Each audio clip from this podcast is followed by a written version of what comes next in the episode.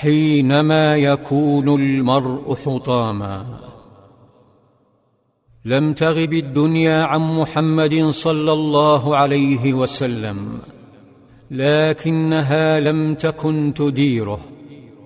عاش حياته يمارس فن إدارتها يرسمها يتفنن في استثمارها. أوصاه جبريل عليه السلام فقال يا محمد عش ما شئت فإنك ميت وأحبب من شئت فإنك مفارقه واعمل ما شئت فإنك مجزي به.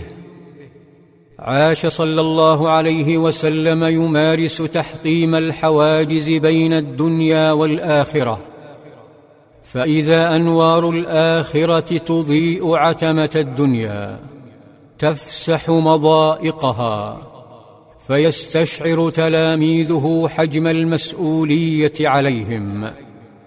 بعد أن صعد الصحابة الثنية بشرهم رجالا ونساء بالمغفرة. بشرهم إلا رجلا أكلت الدنيا قلبه. قال صلى الله عليه وسلم من يصعد الثنية ثنية المرار فإنه يحط عنه ما حط عن بني إسرائيل.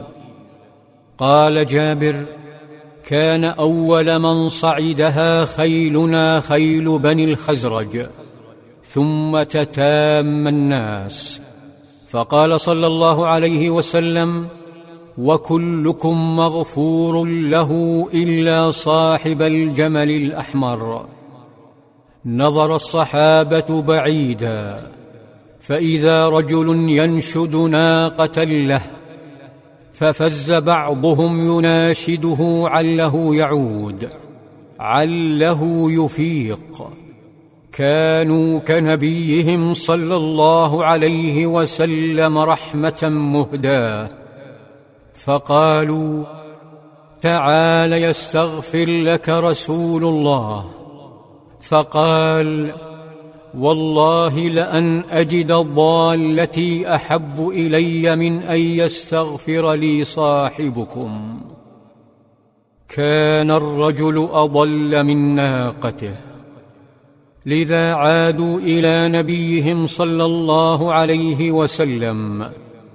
الذي انحدر من الجهة الأخرى من الثنية فإذا هو يشرق على أرض يقال لها الحديبية بين جدة ومكة وعندما لامست أخفاف القصواء أرضها توقفت فجأة بركت فأقبل الصحابة نحوها يحثونها على النهوض يصيحون بها حل حل. لكنها لم تتزحزح. نظروا إلى بعضهم فقالوا خلأت القصواء أي حرنت. فقال صلى الله عليه وسلم ما خلأت القصواء وما ذاك لها بخلق ولكن حبسها حابس الفيل. أدرك صلى الله عليه وسلم أن أمرا سيحدث. فقال لهم صلى الله عليه وسلم وهو يفتح آفاقهم للمرونة حين يفاوضون دولا معادية مبينا أن السلاح آخر خياراته حتى مع قوم كذبوه وطاردوه وقتلوا أصحابه. وهموا بقتله وحاصروا دولته وحاربوه. يفعل ذلك كي لا يخسروا مكتسباتهم. قال صلى الله عليه وسلم والذي نفسي بيده لا يسألوني خطة يعظمون فيها حرمات الله خطة يسألوني فيها صلة الرحم إلا أعطيتهم إياها. ثم زجر القصواء فوثبت فتحرك إلى أقصى الحديبية وتوقف هناك على ثمد قليل وهو مكان اجتمع فيه ماء قليل يغرف منه الناس بأكفهم.